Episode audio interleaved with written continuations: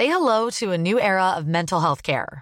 Cerebral is here to help you achieve your mental wellness goals with professional therapy and medication management support. 100% online. You'll experience the all new Cerebral Way, an innovative approach to mental wellness designed around you. You'll get a personalized treatment plan from a therapist, prescriber, or both in a safe and judgment free space. Your cerebral therapist or prescriber will outline a customized plan with clear milestones along the way so you can get to feeling your best. With Cerebral, you're not alone in your mental health journey. We're here to empower you to live a fulfilling life. So take that first step towards a brighter future and sign up today at cerebral.com slash podcast and use code ACasts to get 15% off your first month. Offer only valid on monthly plans. Other exclusions may apply. Offer ends July 31st, 2024. See site for details. Say hello to a new era of mental health care. Cerebral is here to help you achieve your mental wellness goals with professional therapy and medication management support. 100% online. You'll experience the all new Cerebral Way, an innovative approach to mental wellness designed around you. You'll get a personalized treatment plan from a therapist, prescriber, or both in a safe and judgment free space. Your cerebral therapist or prescriber will outline a customized plan with clear milestones along the way so you can get to feeling your best. With Cerebral, you're not alone in your mental health journey. We're here to empower you to live a fulfilling life. So take that first step towards a brighter future and sign up today at cerebral.com slash podcast and use code ACasts to get 15% off your first month. Offer only valid on monthly plans. Other exclusions may apply. Offer ends July 31st, 2024. See site for details.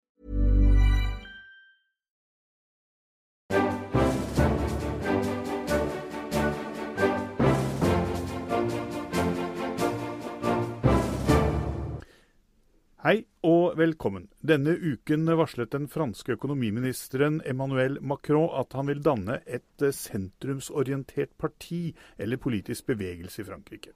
Ifra sin posisjon som statsråd inviterer han til å danne et flertall i sentrum av fransk politikk. Noe som utløser spekulasjoner om hans mulige presidentambisjoner i 2017. Det politiske sentrum, en slags versjon av den sunne fornuft, er i et slags opprør i eh, Europa. Vi hører nesten bare om de sinte velgerne på høyre og venstrefløy, men hva med dem som er lei av polariseringen og etterlyser samarbeid over blokkgrensene? Det er dem denne ukens podkast Aftenposten Verden skal handle om. Mitt navn er Alf Ole Ask, og med meg har jeg utenriksmedarbeider Kristina Pletten og eh, europakorrespondent Øystein Langberg. Og Øystein, er det et opprør fra sentrum vi nå ser i eh, Europa?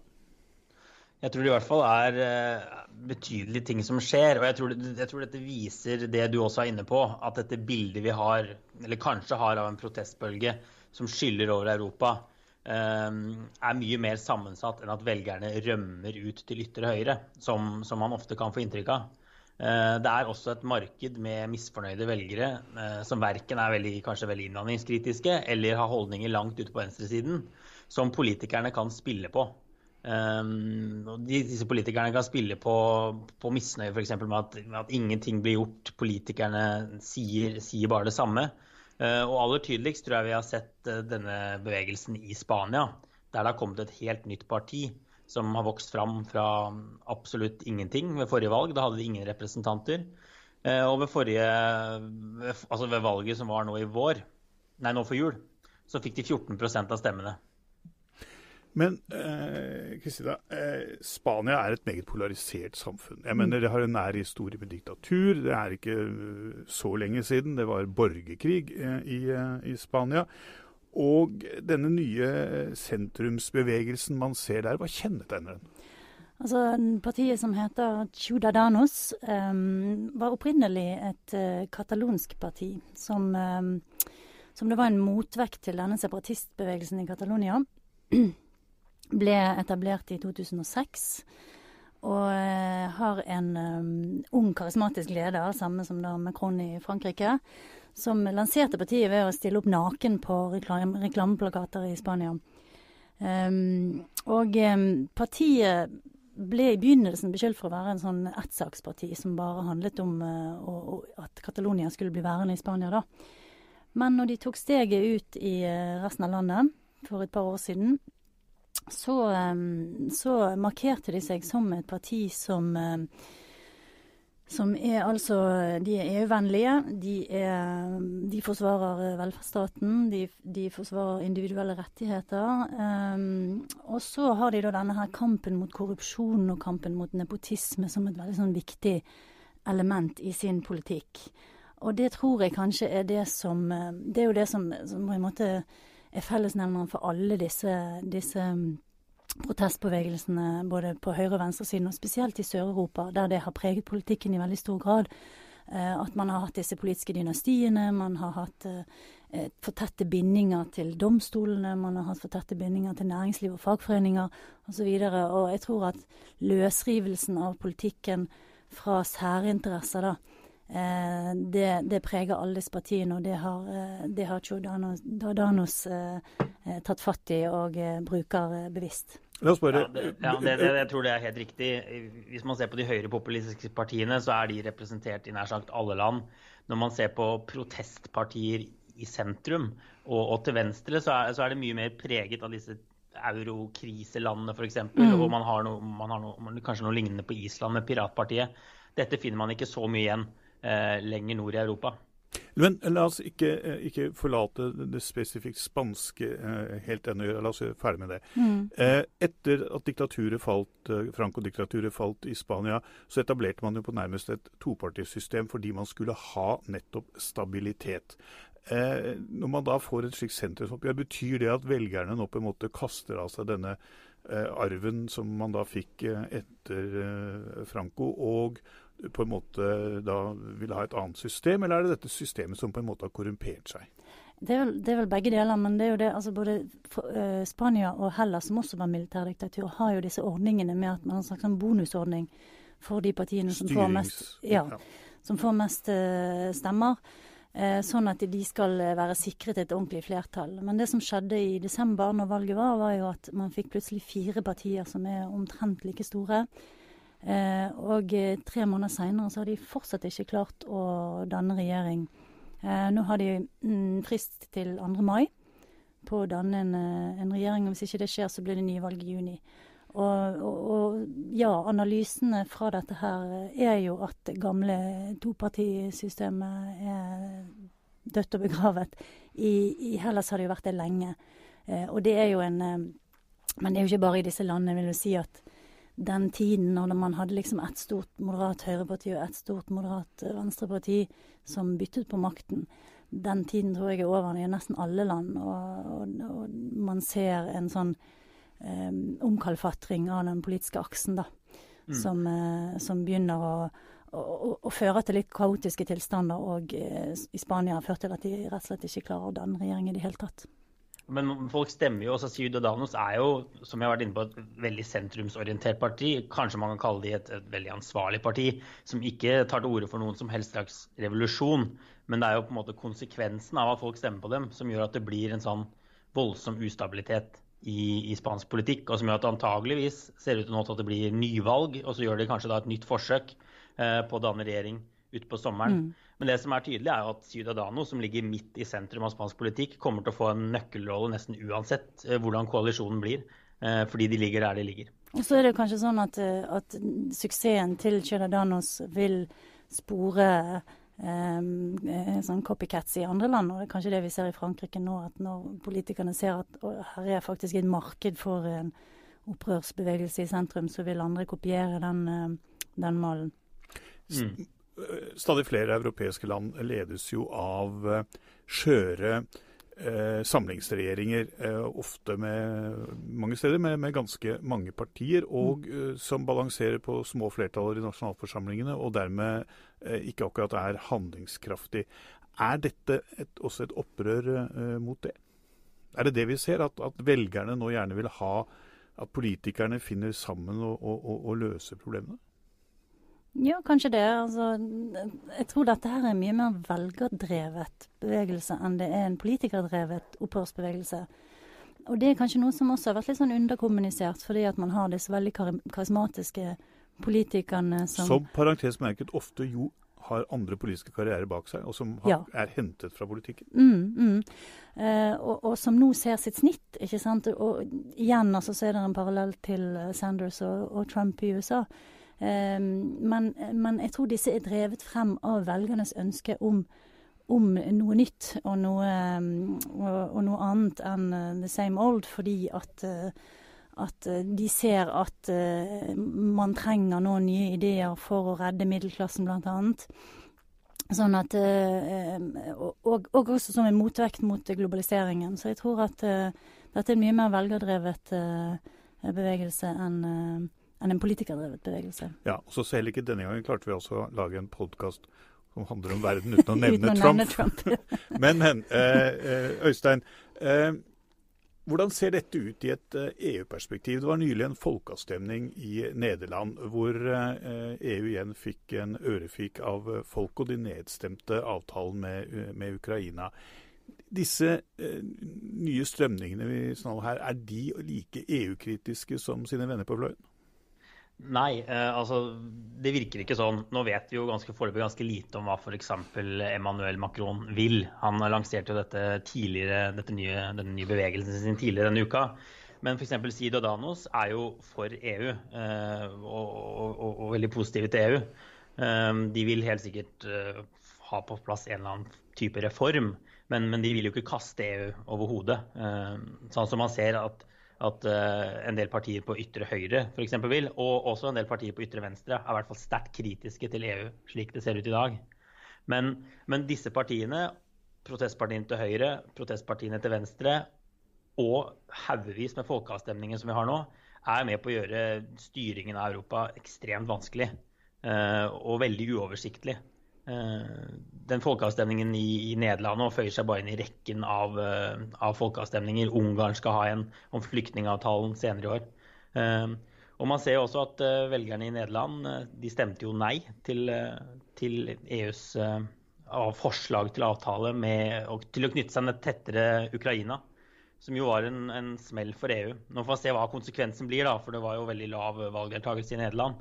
Men det viser jo bare hvor vanskelig det er å få oversikt i Europa for øyeblikket. Men det hører jo med til historien at dette faktisk da er første gang at et EU-land i en folkeavstemning har stemt ned en internasjonal avtale som EU har inngått. Og med tanke på at Østerrike og Frankrike har lovet at de skal sende et eventuelt tyrkisk medlemskap ut til folkeavstemning, så, så er det vel mye som tyder på at det kan bli en rysere, for å låne et uh, svensk uh, ord, ikke sant Øystein? Ja, det, ja det, det, kan ikke være lett å, å, drive med langtidsplanlegging i Brussel for øyeblikket. Og jeg tror også altså, ta Irland, ta eh, Slovakia, som hadde valg tidligere i år, hvor det også blir store koalisjoner etter valget, hvor man sliter å få stabla, med å få stabla på plass, plass, regjeringer. Det virker som dette bare kommer til å, til å, forverre seg når det popper opp nye partier eh, både her og der, både til høyre og til venstre og i sentrum. Jeg, tror at um Eh, motstanden mot eh, internasjonale handelsavtaler vil også øke. Eh, og det er vel Eurokrisen har jo vært en katalysator for det relative kaoset som vi ser nå. jeg tror at når vi snakker om eh, f.eks. at Ciudadanos er EU-vennlig, så, så, så, tenker jeg at ja, velgerne, det er sikkert en god del velgere som, som gjerne vil fortsette å være EU-medlemmer, men kanskje ikke i det EU man ser i dag, da. Eh, fordi at jeg tror at det er liten tillit til, eh, til EU-ledelsen. Og eh, det er stadige historier om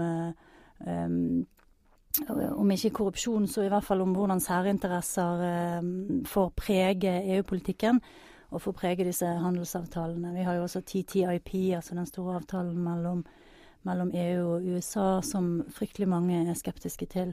Sånn at um, jeg tror at velgerne også er veldig egentlig litt sånn usikre på hva de vil ha, eller uh, shopper litt rundt etter forskjellige løsninger, da. Og det fører til at, uh, at det blir litt sånn kaotisk i alle bauger og kanter. Ja, for Det er det som blir interessant med å følge disse sentrumspartiene. Og som du sier, vil de ta opp den for eksempel, kritiske, kritiske tråden overfor frihandelsavtaler? Eller vil de, vil de, gå i motsatt retning da, og og omfavne frihandelsavtaler, innvandring, som en motvekt til disse høyrepopulistiske partiene. Det blir interessant å se hvilken vei de går der. For Det er vanskelig å se for seg hvordan man kan være et ordentlig protestparti over tid i sentrum av, av politikken, der kanskje også elitene eh, og dem de kritiserer, ligger. da. Mm. Men så er det jo spørsmål sånn, hva er et sentrumsparti? Eh, fordi at eh, eh der er jo en del partier, vil jeg hevde, som er, som er, ganske langt inn mot sentrum på veldig mange felt. Eh, F.eks. Dansk Folkeparti, men som kanskje er veldig ekstreme når det gjelder innvandring og en del sånne signalsaker som gjør at de automatisk blir plassert ut på høyresiden som høyreekstreme. Men som kanskje f.eks. når det gjelder økonomiske spørsmål og velferdsstat og sånne ting, eh, altså opprettholdelse av velferdsstaten, eh, kan ligge langt til venstre for da de moderate høyrepartiene. Sånn at det er en litt sånn der Det er en god suppe, for å si det rett ut. Så, så det å definere noen som sentrumspartier uh, i dag er rett og slett nesten litt vanskelig. Mm. Men, men, men det, det, er jo et interessant trekk her at de gamle sentrumspartiene, liksom litt liberale partiene som mm. fantes i Europa, som hadde en klar front mot mot liksom for mye stat og, og, og som sosialdemokrati og sosialistene representerte, til liksom eh, laissez-faire-kapitalismen som kom fra den andre, andre mm. siden. De partiene ser jo ikke ut til å ha tjent noe på at det fins en velgerskare i sentrum som, som er, eh, er, nå er eh, på glid både hit og dit, hadde jeg nær sagt. Altså, jeg tror det at, at, beskyttelsen av velferdsstaten er blitt veldig viktig. da. Og Det ser du også for disse høyre populistiske partiene. At, at, det der å, å, å, kjøre på med å bygge ned velferdsstaten og, og, kutte skattene ned til ingenting og sånn, det er ikke lenger en, eh, en veldig sånn god, salgbar sak for, for sentrumspartiene. Sånn at uh, det er en av de tingene som, uh, som kanskje har forsvunnet ut Mm. Ja, nei, det, det, er interessant. Det er mange, mange som er blitt varme forsvarere eh, for velferdsstaten. Mm. Og, og, det som virker da oppi alt dette kaoset, som, som, kanskje er blant de store taperne, er jo de, de tradisjonelle sosialdemokratiske partiene. Ja. Det virker jo som noen av høyrepartiene, som vi kan kalle det norske Høyres venner i utlandet, de, de klarer seg ganske bra. Mens, mens sosialdemokratene de blir på en måte angrepet fra alle kanter. De lekker til venstre, de lekker til sentrum, de lekker til, til ytre høyre. Eh, og er jo, de er jo helt borte i noen land, eh, sånn som f.eks. i Hellas. Så det er, det er også et interessant trekk.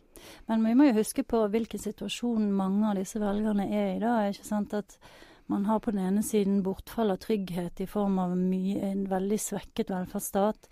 Lavere pensjoner, høyere pensjonsalder, høy arbeidsledighet, alt dette her. Um, og på den andre siden så har man en uh, Ehm, en veldig svekket, eh, altså svekkede muligheter. Det er vanskeligere å starte sin egen business fordi det er nesten ikke tilgang til, eh, til lån, f.eks. i mange land. Um, og, eh, og, det er veldig vanskelig å få fast jobb. Sånn at velgerne står jo også litt i en sånn pest eller kolera-situasjon, da. Og det tror jeg driver de til å og, og tenke at uh, OK, vi, vi, har liksom ingenting å tape, så da kan vi like godt prøve noe helt nytt. Mm. Ja, og Det gjør at det er store muligheter for, for å teste nye ting. Politiske ja. eksperimenter. Eh, helt nye partier med helt nye partiprogrammer som man kanskje ikke har sett før. Mm. Som man sikkert kommer til å se mer, mer og mer av. Mm. Og Frankrike er jo et interessant eksempel apropos pest eller kolera. Nå, nå ser det ut som presidentvalget. Nå, nå er det jo ikke klart hvem som blir kandidaten ennå. Men dersom man ender opp med Marine Le Pen mot uh, Nicolas Sarkozy og svært upopulære Francois Hollande, så er det jo kjempemuligheter for en, for en fjerdekandidat å kaste seg inn og prøve å ta, å ta um, hele greia. Men det hadde man jo eh, en sentrumskandidat for, for uh, hva blir det, i 2007, som, som Barro, som gjorde det eh, ganske bra eh, en lang periode. Men så når man da ender opp med, med, med, andre valgomgang, hvor eh, allting avgjøres i Frankrike, så, så, har man jo hatt en tendens til at det har vært de to store partiene, da, bortsett fra den gangen da gamlefar Le Pen slo ut uh, Sosialistpartiets kandidat. Sånn at, at, det skal vel noe til, slik som valgordningene er, at, uh, at uh, man f.eks. i Frankrike får uh, en slik et, et, At dette gir seg et uttrykk i kandidater. Er ikke det et problem? Altså at man har et, et helt valgsystem som egentlig er lagt opp til å premiere de to store partiene? Altså det, det kommer jo an på um, hvor godt de store partiene gjør det, da. Eh, kan, de, har, de, har, jo for så vidt det i Hellas, og det er jo kanskje kroneksempelet. Um, der um, men der uh, Pasok bare ble helt utradert ikke sant? i løpet av en to-tre år. Så eh, forsvant det nesten. Altså, det vet ikke om det, De har vel et par representanter igjen, men de er liksom på sånn 6-7 Sånn at eh, eh, jeg tror at hvis situasjonen blir ille nok og velgerne føler seg presset nok, så kan de eh, veldig lett bare flykte fra et av disse partiene. Så de skal ikke føle seg trygge nå, tror jeg. Men det er, det er jo et paradoks som, som, du har nevnt her nå et par ganger, at sosialdemokratiet er i denne økonomiske krisen denne gangen på mange måter det partiet partiet eller den bevegelsen i Europa som er straffet hardest, mens det da faktisk var krisen i 30-åra som på mange måter skapte det moderne sosialdemokratiet, og som vokste opp og som innledet på en måte sosialdemokratiets æra i europeisk politikk? Nei, jeg vet ikke om det er noe paradoks, egentlig sånn sett. For jeg tror at folk føler at disse store partiene ikke lenger representerer sosialdemokratiets interesser. altså De forsvarer ikke lenger eh, de, de vik, vik, viktigste stolpene i sosialdemokratiet som er tryggheter og muligheter for alle. Mm. Da lar vi det være siste ord i denne sendingen av Aftenposten Verden. Kommenter oss gjerne på Twitter eller Facebook. Du kan eh, følge oss på alle plattformer. Ja, vår utmerkede utenriksjournalistikk finnes også på papir i en postkasse nær deg. Mitt navn er fortsatt Alf Olask, og vi er tilbake om en uke.